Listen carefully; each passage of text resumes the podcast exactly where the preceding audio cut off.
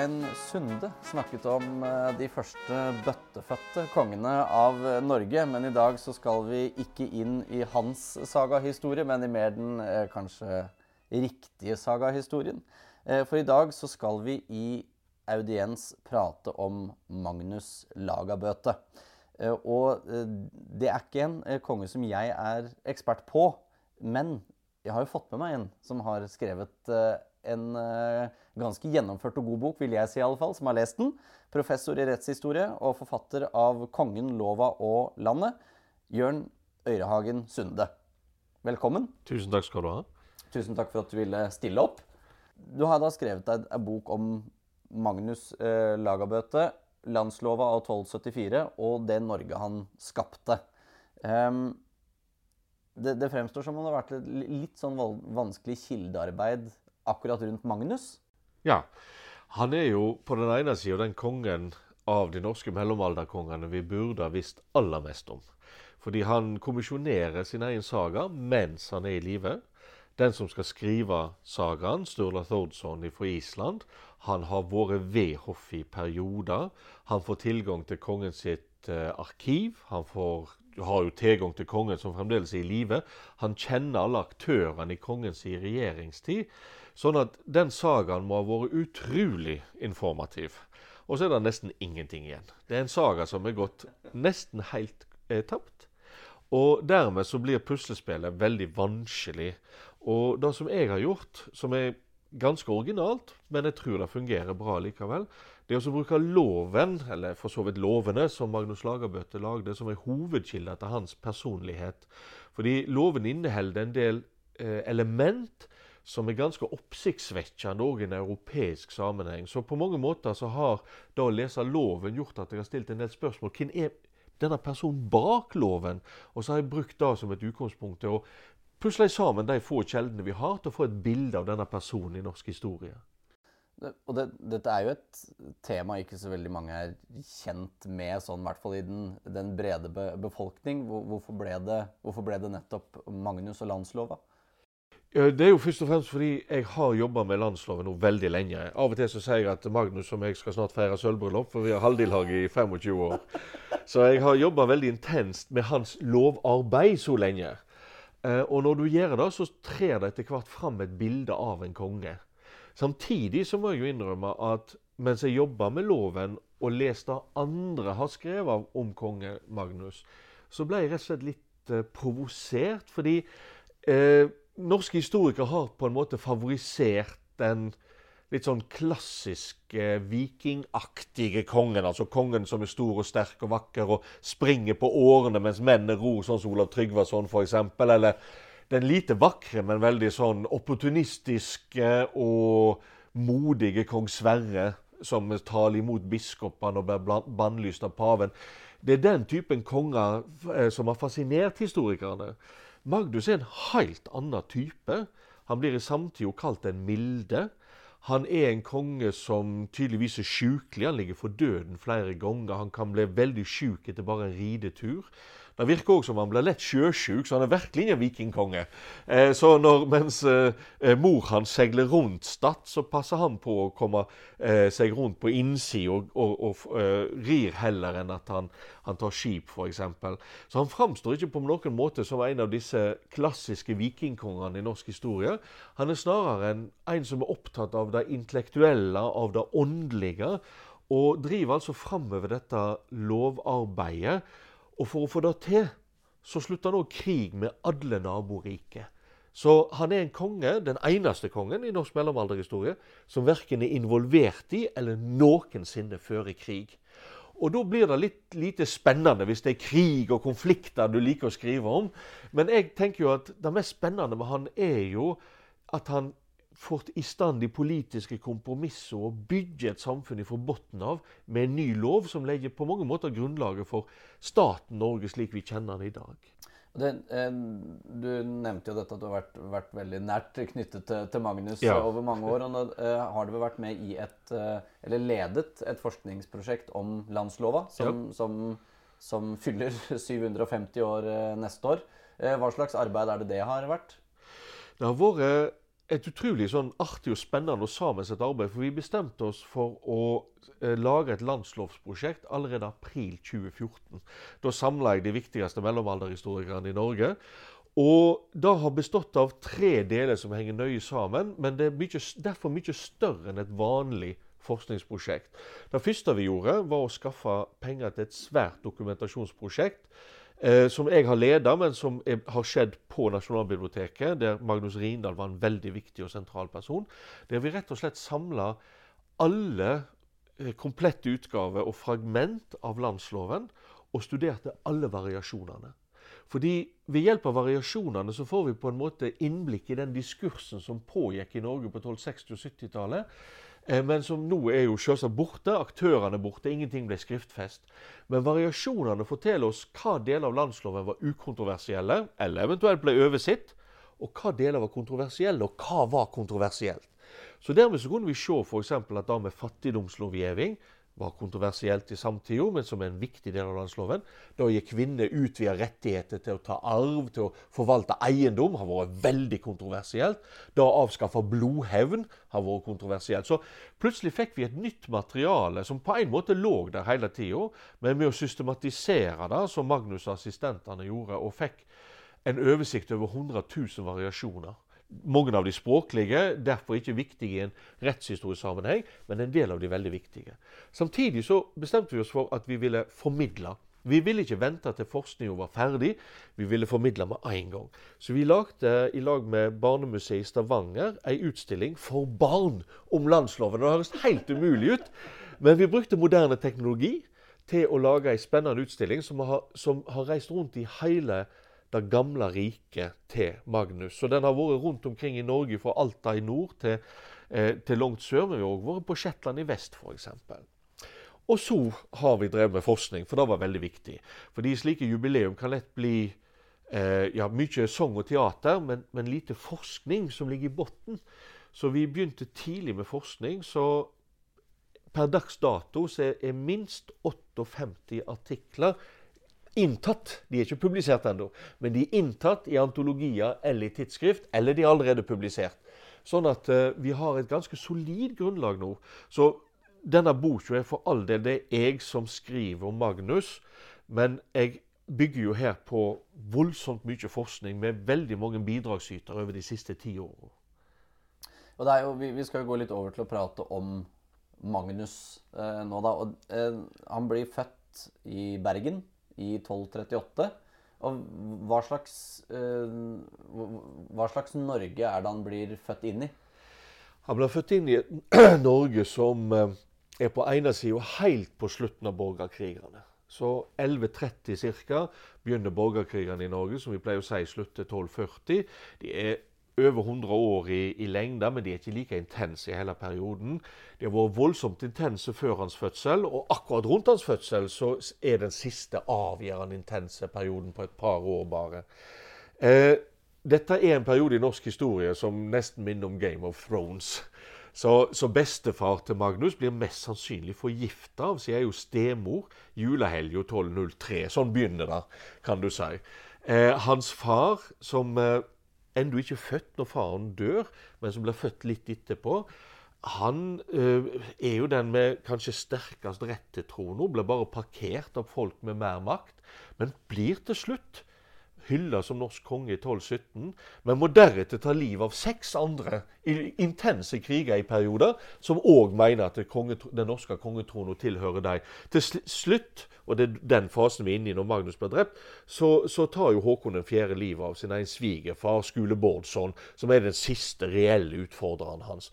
Så Magnus blir født inn i helt slutten av denne perioden, som har vært intens, dramatisk, og i, i min sånn som jeg ser det, setter sitt preg på alle aktørene rundt Magnus sin bevissthet, denne frykten for en ny borgerkrig.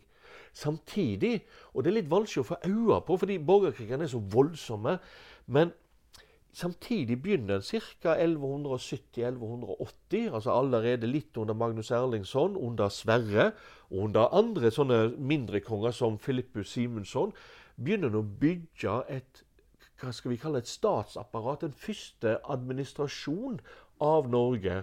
Fordi det er jo lett, har lenge vært slik at kongen styrer ved hjelp av sin hird, sin militærmakt.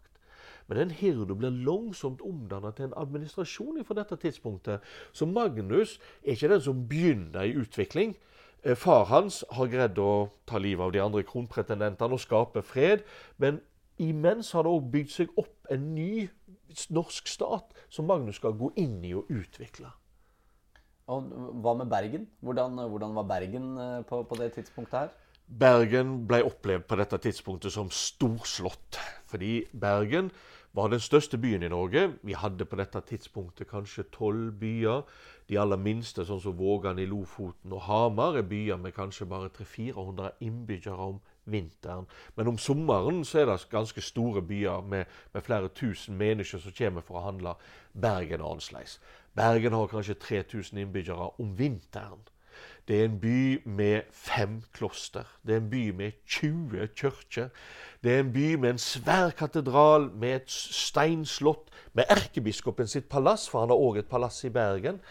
Det er rett og slett en by med voldsom handelsaktivitet, store steinbygninger som viser at dette er ikke en liten norsk småby. Dette er en mellomstor europeisk handelsby, der kirkeklokkene ringer hele tida, der det er masse forskjellige språk snakka i gatene. Du har vin, og du har eh, produkt ifra, Bagdad som blir solgt der. Samtidig som en selger produkt som røysekattskinn, som er jo er kongekappen sin hermelin. De selger falker, ting som skal skipes helt ned til f.eks. Bagdad. Hermelin eller røysekatskin ble jo kalt for arabisk gull, som sier noe om hvor markedet var. Så dette er en by med farger, med lukter, med krydder, med, med tunge mål fra hele Europa og, og deler av Asia. En fascinerende plass. Og dette er ved det tidspunktet hvor Bergen på en måte oppleves som en hovedstad eh, i Norge, og hvor, hvor, rett og slett eh, kongefamilien bor så, sånn semifast? Ja, det er rett. fordi det, det helt, På ene siden er det helt umulig å snakke om en hovedstad før vi kommer ut av mellomalderen. og Det er fordi kongedømmet er et reisekongedømme. Og Magnus, som lett blir sjøsjuk og ikke liker å reise, han reiser hver eneste sommer rundt omkring i kongedømmet sitt. Men vinterstid er både far hans og han som regel i Bergen. Derfor kan vi på en måte kalle Bergen likevel for en slags hovedstad på 1200-tallet. Og da være i Bergen vinterstid er viktig, fordi i julehøgtida, og den er veldig lang, så samler du rundt deg alle de viktigste personene, både de kirkelige og de verdslige stormennene. Og så driver du politiske samtaler, og så blir sommeren snarere en tid hvor du setter politikken ut i livet. Og Derfor er det òg en hovedstad, for det er her på en måte politikken blir utforma på 1200-tallet. Eh, prins Magnus eh, er jo ikke eh, direkte Eller han er jo direkte tronarving idet han blir, blir, født, men, men, i løpet av oppveksten sin så er han, er, er han vel så langt ned i tronarverekka som, i, som nummer tre, vel? Ja.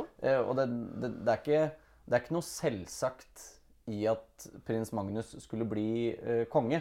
Og han får jo da en utdanning som ikke er en, kall det en konge verdig. Eh, hvordan er det han, han utdannes? Ja, Nei, det, det, første er veldig viktig, fordi han har nok ikke sjøl, og de rundt han har ikke tenkt på han som en mulig konge. Det er jo delvis fordi han er litt nede i kongerekka. Han har en eldre bror, og en eldre bror som er sterk. Han elsker jakt osv. Så videre, sånn at uh, alle ser for seg at Håkon Unge, som han blir kalt, blir den neste kongen. Han blir til og med hylla som konge da året Magnus ble født, i 1138. Så han er den opplagte kongen. Han får i tillegg en sønn i 1252, Sverre. Sånn at uh, da er altså Magnus nummer tre. Og han er sjøl eh, sannsynligvis sjukelig, så en har ikke tenkt på han som en mulig konge i framtida. Og det er òg indikasjoner på at han har vært han kan godt ha vært ved hoffet, men han har vært en usynlig karakter. Så ingen har tenkt på han som konge, og som du sier, han får en litt spesiell utdannelse. Han blir utdannet av fransiskanerne. Den eneste grunnen til at, fransiska, da at en konge ble utdannet av munker, da skjer med jevne mellomrom.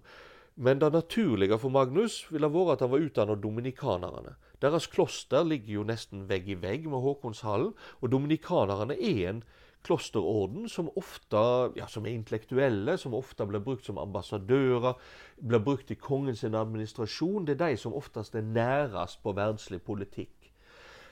Men kanskje fordi Magnus er sjukelig, så er det fransiskanerne de som ofte har medisinsk erfaring, fordi de hjelper de elendigste. Det er der han får utdannelsen sin. Og fransiskanerne er jo en ganske ny munkeorden. Og veldig intellektuelle. Mange fransiskanere skal bli viktige intellektuelle i Europa. Men samtidig så er det jo De blir kalt for gråbrødrene, for de går i grå kutt. Eller barfetbrødrene, eller tiggermunkene. For de er skapt for å hjelpe de fattigste og elendigste. Frans av Assisi sier eh, 'gå ut og forkynn', om nødvendig med ord. Men det er altså handling som er deres viktigste greie. Eh, og det av dem Magnus får sin utdannelse. Vi kan ikke sikkert si at han var i deres kloster, men mest sannsynlig. Det er der han blir utdanna. Og det betyr at han både får inn en ideologi som handler om at alle har verdighet, sjøl de fattigste. Men det betyr òg at han oppholder seg i Bergens slum. Fordi fransiskanerne er alltid i slummen, for det er der de elendige er, de som skal ha hjelp. Så han er den eneste kongen i norsk historie som har sett eh, Norge ifra begge synssteder. Ifra Slottet og ifra slummen. Og det tror jeg former hans karakter og person, og hans politikk. Men eh, det at han ble utdannet hos fransiskanerne, er det egentlig Håkon den fjerdes eh, forsøk på å få en av sønnene sine inn i kjerka? Da kunne en lure på, fordi dette var en veldig vanlig strategi. Og for all del, og stormenn hadde den strategien. Så en av Håkon den fjerde sine viktig, eller kanskje den viktigste rådgiveren, Gaute, Gaut Jonsson til Mel, hans bror Askjell, er biskop i i Stavanger. Så der har du en far som tenker at eh, jo, jeg vil plassere to av sønnene mine inn i de to maktbastionene. Fordi det vi aldri må glemme, er at Norge i mellomalderen, som alle andre europeiske land, har sin statsmakt delt i to deler. En verdslig og en åndelig, der kirka er de som styrer den åndelige med sine lover, sine skatteinntekter, sine domstoler. Altså det som er statsmakt. Og så har kongen sitt tilsvarende. Og det kan godt hende at eh, Håkon 4., som andre konger i Europa, tenkte at hvis jeg får én kong, sønn på trona og én inn i det kirkelige hierarkiet, så har jeg lite grann kontroll. Så da kan han ha tenkt, ja. Ja, for det, det, det er vel den tosverdslæren. Altså at, at, kristendommen på en måte har to sverd. Det er det, det geistlige og det er det verdslige. Og begge har, sin, eh, begge har sin legitimitet fra Gud, men jobber jo da med forskjellige deler av livet da, til befolkningen. Ja. Um, men uh, hvor, hvor, på en måte utbredt er uh, utbredt er det ellers i Europa? Er det det samme overalt, eller er det spesielt sånn for Skandinavia? Nei, det er likt overalt. Og denne tosverdslæra ble formulert Den bygger egentlig på Augustin. Eh, så tidlig 400-tall, men seint 400-tall eh, så er det pave Gelasius som formulerer det som en tosverdslære. Og den er allmennakseptert over hele Europa. En er dog ikke helt enig om innholdet i det, og hvor den grensa skal gå. Og Der er det veldig mange variasjoner som vi godt kan si blir et spørsmål om egentlig om konkret makt mellom forholdet kirke og, og biskoper. Eh, I Norge så eh, er dette litt av bakgrunnen for borgerkrigene. Eh, men vi har egentlig ei, over tid ei ganske sterk kongsmakt. Sånn at jeg vil, ikke, jeg vil si at selv om prinsippet, iallfall formelt, ble veldig sånn klart gjennomført, og landsloven er veldig tydelig på tosverdslæra og denne fordelinga, så i realiteten så liker de norske kongene å blande seg litt opp i valg av biskoper i kirka. Både Håkon 4. Eh, gjør det veldig direkte. Han er veldig, har veldig lyst til å intervenere. Magnus gjør det mer indirekte. Han er litt mer tilbakeholden. Men samtidig så har eh, kirka veldig lyst til å være med og påvirke hvem som blir valgt til konge. sånn at eh, her er det litt sånn maktstrid hele tida. Men da en skal være obs på at selv om vi har en tendens til å fokusere på stridsperiodene og stridstemaer, så I mesteparten av tida er det faktisk i Norge fred og harmoni mellom kongsmakt og kirke. Det er rett og slett fordi vi er et for lite land. Et, eh, kongen er helt avhengig av kirka sine intellektuelle. Magnus bruker jo f.eks. senere biskop i Bergen, Askatin, som en av sine fortroligste rådgivere. Kirka er avhengig av kongen sin administrasjon og sentralmakt for å eh, gjennomføre sin politikk. Så stort sett så er det samarbeid. Så det, blir, det ble ikke noe investiturstrid og kanossagang i Norge? Lite av begge deler, ja. Eh, men eh, det går jo eh, eh, etter hvert litt dårlig, kall det, for den, for den norske kongefamilien på, på, den tida, med at uh, eldstesønnen Håkon Unge dør. Ja. Og det samme gjør uh, sønnen hans. Ja. Uh, men, men, i mellomtiden der så har jo Magnus blitt utropt til konge. Som samkonge med, med faren sin. Hvor vanlig var det? Var, var det et særnorsk fenomen, det å ha en samkonge? Du kan si at På den ene sida da å ha samkonger var, var, veldig vanlig i norsk historie, ja. Eh, og da skyldes forskjellige ting. Men det er klart med den tids kommunikasjoner var Norge egentlig et relativt uhåndterlig rike å holde sammen. Og samkongedømmet kunne egentlig være veldig praktisk. Eh, for oss å få styrt hele landet. Spesielt før 1200-tallet. fordi når du ikke har en administrasjon, så er det din tilstedeværelse som avgjør hvor mye politisk makt du har. Da kan det være, være, greit å være to eller flere. Og Av og til så var det harmoni, av og til så var det konflikt. Borgerkrigene handler jo om konflikt mellom ulike personer som mener at de, eh, de, de har rett på den norske trona. Som, men da å hylle en samkonge, altså en sønn som konge samtidig med faren, det er Håkon 4. sin oppfinnelse. Og det er rett og slett fordi han er livende redd for hvis han plutselig dør, så hvem skal da bli konge? Han var jo sjøl den som kanskje hadde best rett på den norske trona. Men han var den unge, han hadde ikke makt og ble sett til side. Det er egentlig litt tilfeldighetene som gjør at han faktisk blir norsk konge til slutt. Da vil han ikke skal skje med hans sønner. Og Derfor passer han på å hylle dem som konge. Så skulle han dø plutselig, så har du allerede en konge. Men det er allikevel et hierarki. Du kan si den kongehyllinga han driver på med, er egentlig en slags offisiell 'du er nestemann til å overta' eh, greia. Sånn at eh, det er han som er konge, men han trekker den andre med inn i statsstyrelsen. Og Håkon Unge ble veldig tidlig hylla som konge. Dette er jo under borgerkrigens siste fase. Sjanse for at Håkon 4., som virkelig rir i krig, han kan bli drept. Han eh, vil at det skal være noen på trona. Når da Håkon Unge dør i 1257, så er det helt opplagt sønnen til Håkon Unge, Sverre, som er den neste.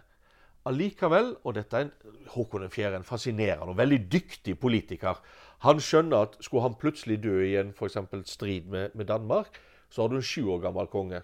Da kan han lett li samme skjebne som han sjøl gjorde som barn. Han ble bare skjøvet til sides av mektige stormenn. Og Da skumte han seg, og det er nesten et lite kupp, å hylle Magnus til konge. Han er ikke den som har arverett. Eh, men da har han en voksen mann som kan sørge for at eh, Sverre vokser opp og blir reell konge. For hvis Håkon 4. og Magnus hadde en plan om at Magnus faktisk skulle bli konge i 1257, så hadde han blitt gift med én gang. For det er liksom, En konge må gifte seg, for han må få tronarvinger. Men Magnus forblir ugift. Han gifter seg i 1262. Altså det er når Sverre først dør. Da får han hastverk. Så det var sjøl når, når, Magnus blir hylla som konge i 1257, er det ikke meningen han skal bli konge. Han skal bare sørge for at Sverre blir det. Men så dør Sverre. Da er det ingen igjen. Det er Magnus som må bli konge. Og da skyndte de seg og får han gift med en gang. Men det er, jo ikke i, i strid med, med, Danmark at Håkon den 4. dør. Det er jo i strid med kong Alexander 3. i, ja. i Skottland. rundt, eh, Det er vel slag, eh, i en krig om Suderøyene, som eh, det, det blir kalt i hvert fall på, på norrønt. Og det er vel sånn Orkenøyene Det er jo på Kirkvall. At, ja, at han dør. Men ja. han dør ikke i krig. Da er han rett og slett utsletten. Da har han vært på sitt siste felttog. Han er en gammel mann. Han er 60 år. Han har kriga hele livet, vært en aktiv og usedvanlig dyktig konge. Eh, dette felttoget går verken den ene eller andre veien. For at Håkon har jo den største flåten i Europa. Over 300 skip. De kan frakte over 30 000 mann. Europa skal ikke se en så stor flåte før den spanske armada angriper England. Eh, de største krigsskipene hans er bygd etter mønster av eh, krigsskip en fant i Middelhavet. Så de er til sammen nesten 50 meter lange. De er nesten 10 meter høye og over 10 meter breie. De er flytende festninger. Han er totalt overlegen skotske-kongen på havet. Så skotske-kongen slåss ikke med kong Haakon. Han trekker styrkene sine stort sett tilbake og vil slåss på land. Det kan jo ikke den norske flåten gjøre, for den er forberedt på å slåss på havet. Så blir det noen slag og trefninger, men det blir liksom en slags god uavgjort for begge parter. Og så trekker kongen seg tilbake til, til Orknøyene og Køkvoll, og så dør han der rett og slett av alderdom og utmattelse i julo desember eh, 1263. Så eh, da er han ute av sagaen, og da er plutselig Magnus, som aldri skulle bli konge, han er Norges enekonge. Ja, han har, da, da blir jo han enekonge, eh, rett og slett. Men Ja. eh, det blir jo ikke noe kroning da, for han er jo allerede krona. Ja, og, det og dette er jo Håkon den fjerde. Han er en så slu politiker. Og han iscenesetter den første kongehyllinga i 1257. Og så iscenesetter han kongekroninga. Fordi alle er jo samla til Magnus sitt bryllup september eh, 1262. Da er hele Norges maktelite samla der. Og litt spontant, slettes ikke spontant, men tilsynelatende spontant, er det en samtale mellom Magnus og faren. Da, da Håkon sier at nei, men det er klart du skal bli trona, og så tre dager etter bryllupet, så jo alle er der, maten er der, festen er der, så kjører du på. Og da blir både Magnus krona, men òg hans dronning Ingeborg. Hun er den første dronninga i Norge som blir eh, krona som dronning av erkebiskopen i Norge. Eh, og dermed så er Magnus, som du sier, han er allerede trona. Og den underordna, overordna eh, relasjonen de hadde hatt siden 1257, den ifølge Håkon Håkonssons saga sier Håkon eksplisitt på kroningsdagen nå er det slutt på at du skal bøye deg for meg. Nå skal vi sitte på sida av hverandre.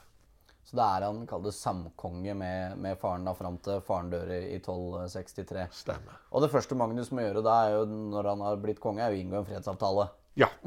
Det er det første han gjør. Altså, han liker Liket til kong Haakon kommer fra Kirkwall i mars 1263. Det det, det er faktisk så dårlig vær at selv om de greier å seile til Bergen og inn på Vågen, så får de ikke liket ut av skipet første dagen, for det er så dårlig vær og mye høye bølger.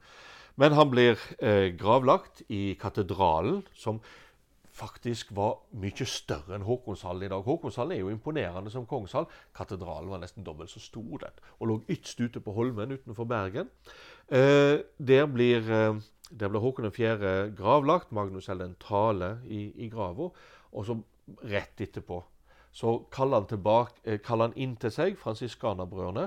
Håkon har brukt dominikanerne som sine ambassadører. Magnus bruker fransiskanerne som han kjenner, og han sender de til Skottland for å inngå en fredsavtale. Og Den blir inngått et par år senere, i 1266, men allerede i 1264 får han òg en avtale. Han er ikke i krig med England, men han får en avtale med England om en god relasjon. Og han får altså bilagt alle konflikter. Og Det er nok fordi han allerede har bestemt seg. Han skal lage en lov. Han skal ordne det norske samfunnet. Nå er det slutt på disse utenrikspolitiske konfliktene. All, alle ressurser, menneskelige og økonomiske, går inn på dette og lager loven.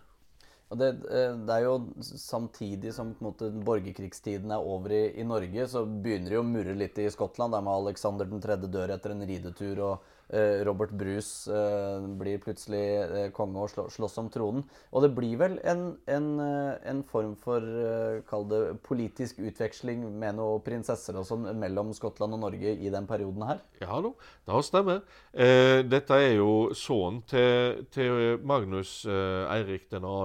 Han ble jo først gift med ei skotsk prinsesse, og så blir han jo gift med, når hun dør, ei datter av den kommende kongen, Robert the Bruce.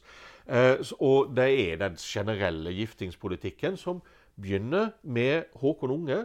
Håkon Unge ble gift med dattera til Birger Jarl, som er den sterke mannen i Sverige, og far til den svenske kongen.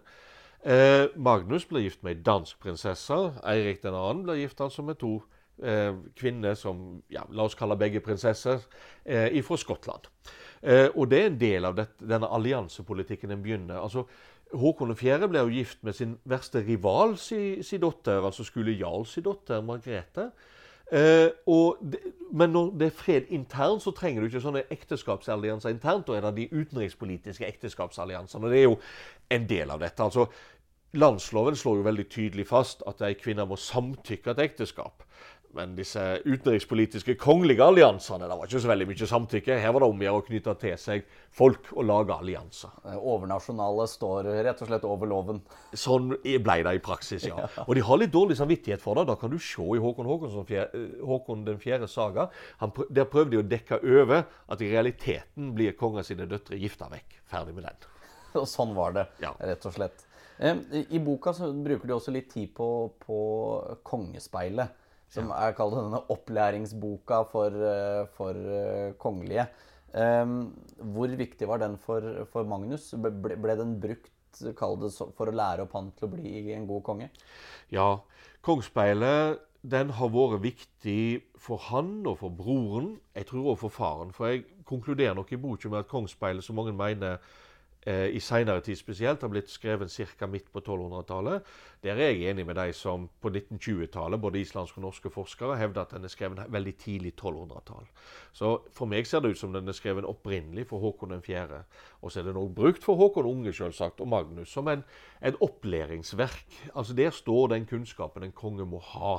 Eh, både om handel, om herde og kongens administrasjon, men òg om rettferdighet, og hvordan en rettferdig konge i Guds nåde skal regjere et rike. For Magnus så har det helt klart vært viktig på ene sida. Og han tar på en måte mål av seg å være en slags rettferdig kong Salomon, som er veldig opplagt hans ideal.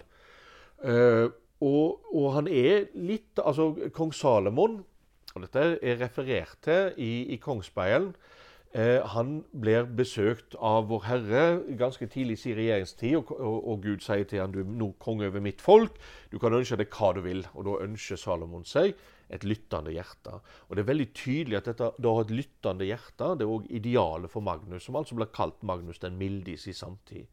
Samtidig, og det er veldig viktig, så tar han veldig ofte avstand ifra det som står i Kongsspeilen. Kongsspeilen er skrevet tidlig 1200-tall. Det er skrevet av det jeg vil kalle en hardliner. Altså det er en eh, knallhard realpolitiker. Eh, litt samme, Den typen du ofte hadde kanskje bruk for under borgerkrigene.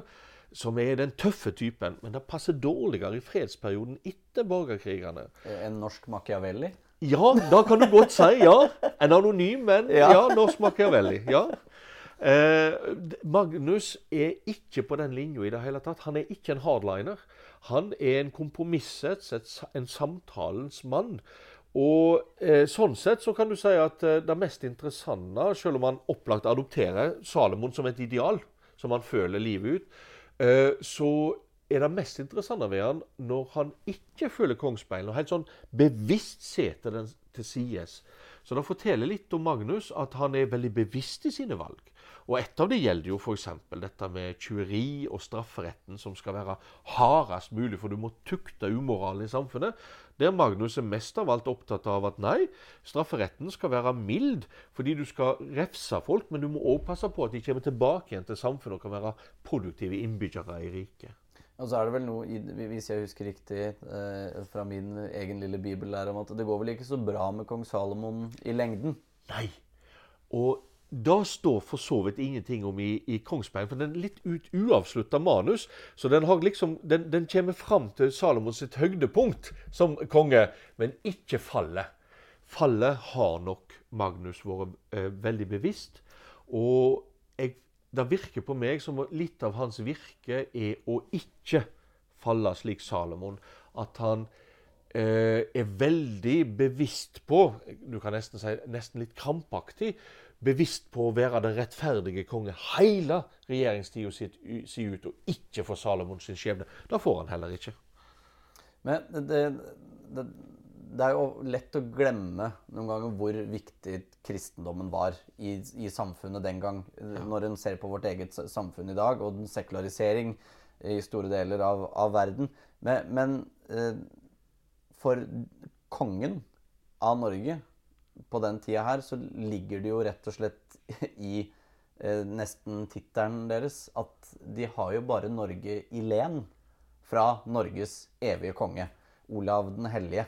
Eh, hvor mye påvirket det Magnus? At han, han, rett og slett på en måte bare lånte riket?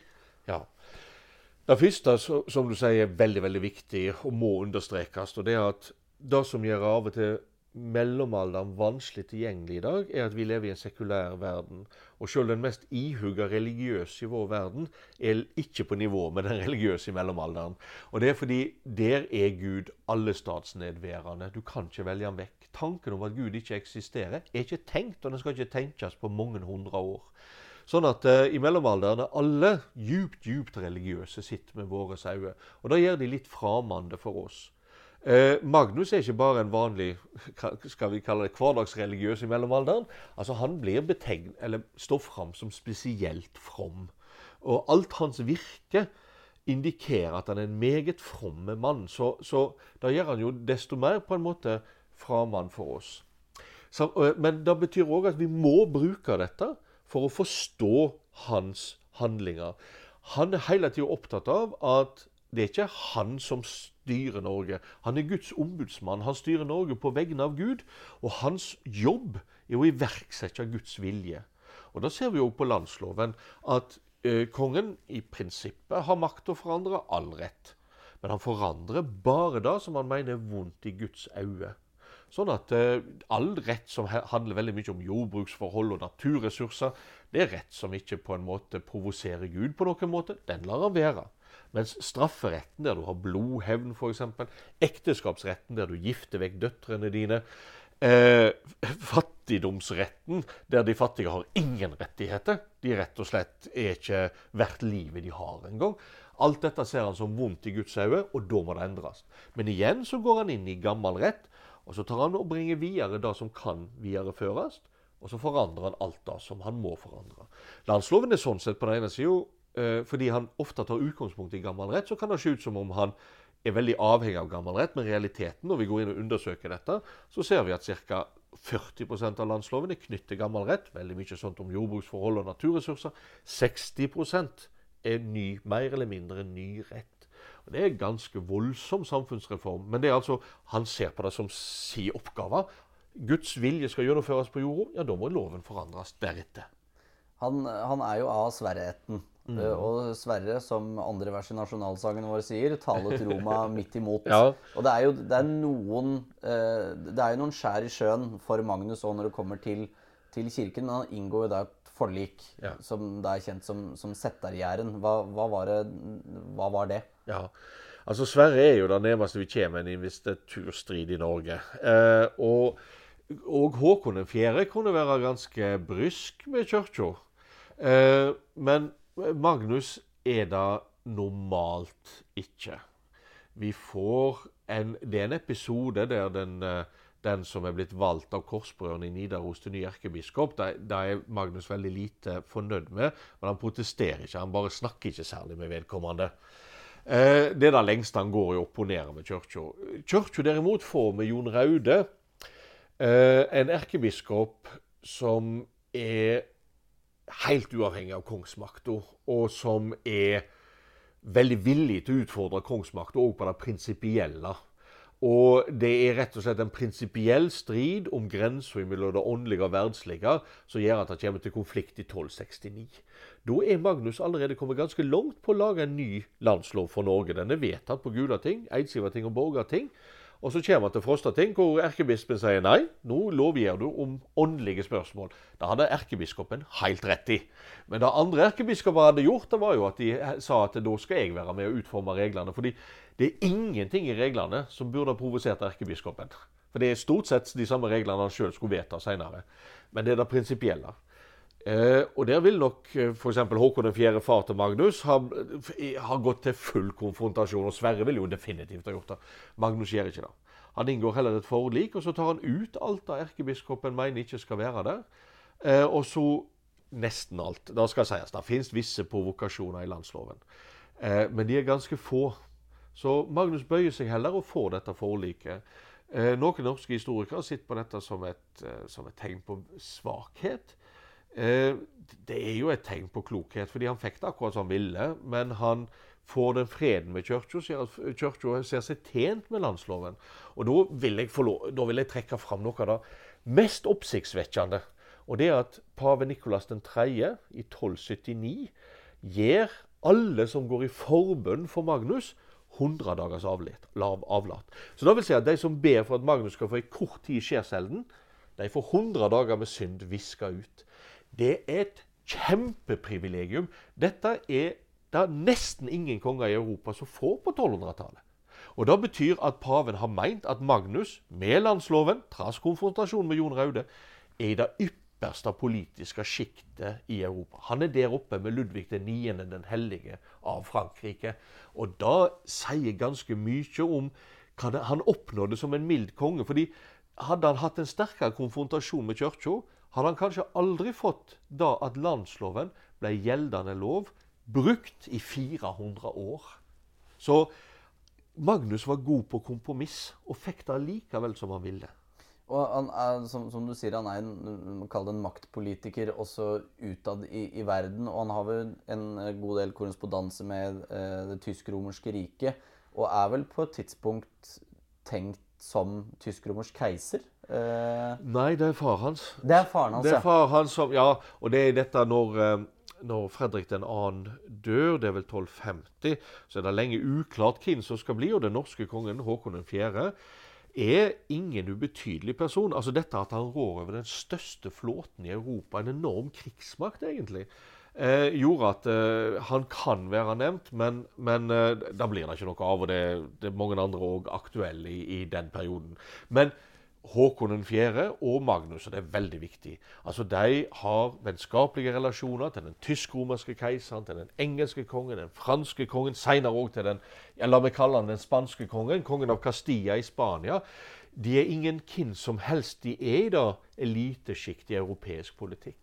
Det er vel til og med fyrsten av Novgorod som uh, nevnes uh, en, uh, ja. en, gang eller to? Ja, for han vil, fyrst Aleksander vil veldig gjerne vil, iallfall på et tidspunkt, gifte seg med søster til Magnus, Kristin. Og de sender jo forskjellige sendemenn til Novgorod, men de finner ut at nei, der er ikke han verdig. Så hun blir i stedet for gift med prins Filipe av Castilla i Spania seinere. Ja, og det, og det er jo et, et, problem for Novgorod og det som senere blir Russland, da, at dette er jo like etter mongolene har begynt med sine herjinger i det gamle Kiev-riket. og Novgorod kommer seg vel så vidt unna med å betale noe veldig høye skatter og avgifter til, til mongolene. Men det er jo ikke den tryggeste plassen å, å bli sendt til sånn sett. Nei, da var de veldig opptatt av. Men du nevnte nå eh, eh, prin, prinsesse Kristin som blir giftet bort til eh, denne broren til kongen av, av Castilla. Ja. Eh, og det er vel starten Eller jo, kan en si det? Starten på denne utviklingen mot landsloven. Ja. Og det er fordi på den ene sida så har det å gi lover delvis hvor, har en, en påfallende lang tradisjon i Norge, der Håkon den gode som var opplært av Adelstein som en stor lovgiver i England. Han gjør lov på 900-tallet. Olav den hellige har lært dette i Rouen, hvor det finnes eh, masse erfaring med Karl den store sin lovgivning, som er hans ideal. Eh, Magnus Erlingsson gir lover i en romersk keiserlig tradisjon på midten av 1100-tallet. Men alle disse lovene er veldig små. Og eh, la meg heller ikke glemme Håkon den fjerde, far til Magnus, som er en viktig lovgiver. Men la meg si at alle disse lovene er ca. 10 av landsloven. Altså de er veldig li, små. Eh, Magnus han har et ideal om å være lovgiver, men problemet hans er hvordan lager vi en lov. Det, det er jo et håndverk. Én ting å vite at du vil ha en radio, men hvordan er han skrudd sammen når du skal lage den sjøl? Det er litt der hans, da som er hans problem. Og når prinsesse Kristin blir gift med, eller reiser med 100 personer fra hoffet fra Tønsberg, først via England, og så er det Paris, og så er det uh, ja, ned til, til Spania, så, eh, så, føler det altså med så mange fra hoffet som kan være med å observere det som blir det største og flotteste lovgivningsarbeidet i Europa i mellomalderen. Eh, Alfonso 10. han er en av de som kan bli tysk-romersk keiser. Den tidligere tysk-romerske keiseren, Fredrik 2., hadde gitt en lovbok. Det var oppsiktsvekkende i Europa, noe av det som ga hans, hans prestisje. Alfonso tenker at hvis jeg skal bli valgt til, til tysk-romersk keiser, skal jeg gjøre det samme. Men den skal være enda flottere, enda bedre. Han setter i gang et lovgivningsarbeid. Vi pleier å tidfeste det til 1255, som altså er i gang når alle disse kommer fra det norske hoffet jula 1257. Og jeg er helt overbevist om at det har vært en, det vi i dag kaller for en snakkis ved hoffet. Og noen av disse fra uh, det norske hoffet har observert hvordan du faktisk gjør det. For det vi ser, er at den norske lovgivningsprosessen i struktur er lik den spanske. Så, men innholdet i loven er helt ulikt. Kong Alfonso gir en lov som skal imponere, ikke nødvendigvis brukes, og den er imponerende. Det er den flotteste lovboka i Europa før 1794 og den prøyssiske landretten. Den er virkelig på et enormt intellektuelt, høyt intellektuelt nivå. Da gjør den òg fullstendig ubrukelig. Så den blir jo ikke brukt i praksis. Men den, den har imponert, og de har studert prosessen. Landsloven vil en helt annen strategi. Den velger et språk, den velger ei form som er enkel. Loven blir tilgjengelig. Men den føler altså samme arbeidsprosess som da de lærte i Spania. Eh, og Du nevnte innledningsvis dette med, med de, de, forskjellige nedskrivningene av landsloven som, som, dere har jobbet med på dette prosjektet om, til 750-årsjubileet. Eh, og der kommer det jo fram, som du nevnte, at det er eh, Folk er ikke helt enig eh, liksom, om hvor bra fattigdomslovgivningen f.eks. For var. For der er det vel Når de avskriver loven, så har de, det er litt forskjellige overskrifter mm, på, mm. På, på, hva de, de delene om, om, de mm. fattige. Mm. Hva, hvorfor var det så eh, kontroversielt? Ja, Uh, og, det er jo disse overskriftene kan vi lese veldig mye av. Så, så, er jo de sentrale reglene om fattige sin rett på almisse. Der, uh, der er noen av overskriftene 'De fattige sine rettigheter'. Og andre overskrifter 'røverpakk'. Så da veit du hva, hva dikotomien er. eh, nei, altså Det som Magnus gjør, er tre ting som er veldig radikale. Men det, men, men det begynner med at han gir alle fattige en rett på å overleve. Altså en almisseplikt, en plikt til å gi mat til fattige. Og da gjør han litt indirekte med å si at hvis noen som er fattig, sulten og arbeidsufør tigger, øh, og ikke får mat, og stjeler, så kan du ikke straffe dem. Og dermed så, så er det bedre å gi dem mat enn at de tar mat. Rett og slett. Så han gir straffefritak for de fattige, sultne og arbeidsuføre. Eh, og her er det arbeidsuføre viktig. fordi hvis du er arbeidsfør og fattig og sulten, så skal du ikke få mat, men du skal settes i arbeid og få mat. Så, og dette er et sånn klassisk skille utvikla av er munken Gratian på, på 1140-tallet mellom de verdige og uverdige fattige som går ved arbeidsførhet, rett og slett. Så dette innfører han. Det er radikalt, for det er normalt i Europa et kirkelig prinsipp. Det er veldig sjelden du får dette inn i lovgivningen, men da gjør du altså med Magnus, muligens pga. hans fransiskanske bakgrunn. Og så har du nivå to. Det er ikke nok å bare overleve eh, ved at du får mat den dagen. Så han, innf eh, han, unnskyld, han innfører ikke, for da gjør far hans Håkon 4., men han utvikler faren sitt system med legd. Som vil si at lokalsamfunnet tar vare på sine fattige. De skal gå, transporteres de fra hus til hus i et fast mønster. Så skal de være der ei ukes tid og få mat og losji. Og slik ikke bare overlever du fra dag til dag, men du får en sikkerhet òg for framtida. Igjen er det de arbeidsuføre. Dette systemet som et verdslig system er unikt i Europa. Det er kirka som har ansvaret for de fattige ellers i Europa. Uh, og det fungerer usedvanlig bra. Det betyr ikke at dette er velferdsstat. Men, men det faktisk fungerer. Så En prøver å adoptere dette i Danmark første gang 1521, og en lykkes ikke før 1708. For det er et ganske komplekst system å få til å virke. Men da utbygger Magnus, men så går han ett steg lenger. Og da er vi over på det virkelig radikale det er at han ser at ja, men det hjelper ikke å holde liv i de fattige. Ideelt sett skal de komme inn i produksjonslivet.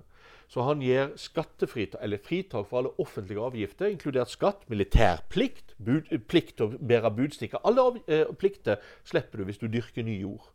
Men når du dyrker ny jord, så må du jo ha ei ku. Kua er i landsloven skillet mellom fattig og ikke fattig. Har du ei ku, er du ikke lenger fattig. Eh, så du må ha ei ku, for du skal ha gjødsel, du skal ha melk, du skal ha kalver osv.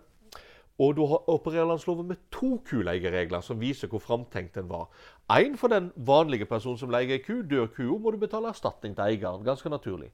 Er du fattig og leier ei ku, og kua plutselig dør, da er jo hele prosjektet ditt i fare. Derfor får du tre år på å betale erstatning, sånn at du kan leie ei ny ku og komme deg på fote.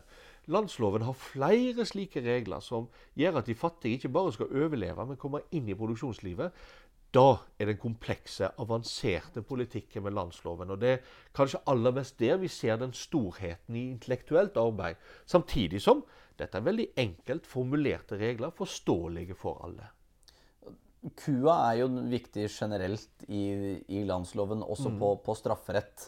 Eh, for det er jo ikke lenger det at nei, du gjorde noe dumt mot meg, derfor går jeg og tar deg. På en eller annen måte Øye for øye, tann for tann-prinsippet blir, blir, litt borte. Og at det heller er på en måte tjuveriets natur, f.eks., som, er, eh, som er, det, er, det, viktige. Og den bota du da får, er jo da en mark sølv, som da sidestilles med ei ku. Stemmer. Stemmer. Og eh, eh, hvor annerledes var eh, den type straffelovgivning sammenlignet med det som hadde vært tidligere? Den er rett og slett radikalt forandra. Eh, Magnus Lagerbøte altså på, på, en måte Hvis vi leser straffa for andregangs småtyveri, som er pisking, så høres det for oss fryktelig hardt og brutalt ut.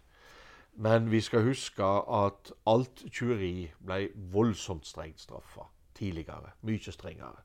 Så hvis vi ser på mattyveri, f.eks., som da de sultne, fattige arbeidsutførere gjerne gjør seg skyldig, så er den mildeste straffa at den som har stjålet et eple, eller løk, eller kvann f.eks., da skal det lages eh, ei rekke med to personer. Nei, unnskyld, ei rekke med personer som står mot hverandre. Og så skal tjuven springe imellom dem mens de hiver torv på vedkommende. Det heter torving. Og det står lakonisk på slutten av regelen at hvis vedkommende kan komme ifra deg i live, er det en god ting. Det sier ganske mye. Det er en tøff straffdag. Alternativet var steining. Da dør du. Eller kjørebreiing. altså Du blir rett og slett dekka med kjører, som òg er faktisk livsfarlig. Eh, Stal du noe større, et, et lam ifra beite eller et kornbånd, så ble du hengt. Så landsloven har mye mildere straff enn det som har vært, og det vi finner ellers i Europa. Ikke bare for tjuveri, men, men, generelt så mildner en straffene. Og hele tida så Og det ligger bak alt i, i, av strafferett i landsloven. Det skal være en mulighet for deg å komme tilbake igjen og inn i samfunnet. Selv den fredløse, der skal det finnes muligheter. Så fins det grenser. Det å drive f.eks. med trolldom, det å vekke opp troll for å drepe andre eh, nidingsdrap, som de kaller det. Altså Visse ting er totalt ubotamål. Og da har du i utgangspunktet ikke noen mulighet for å komme tilbake til samfunnet.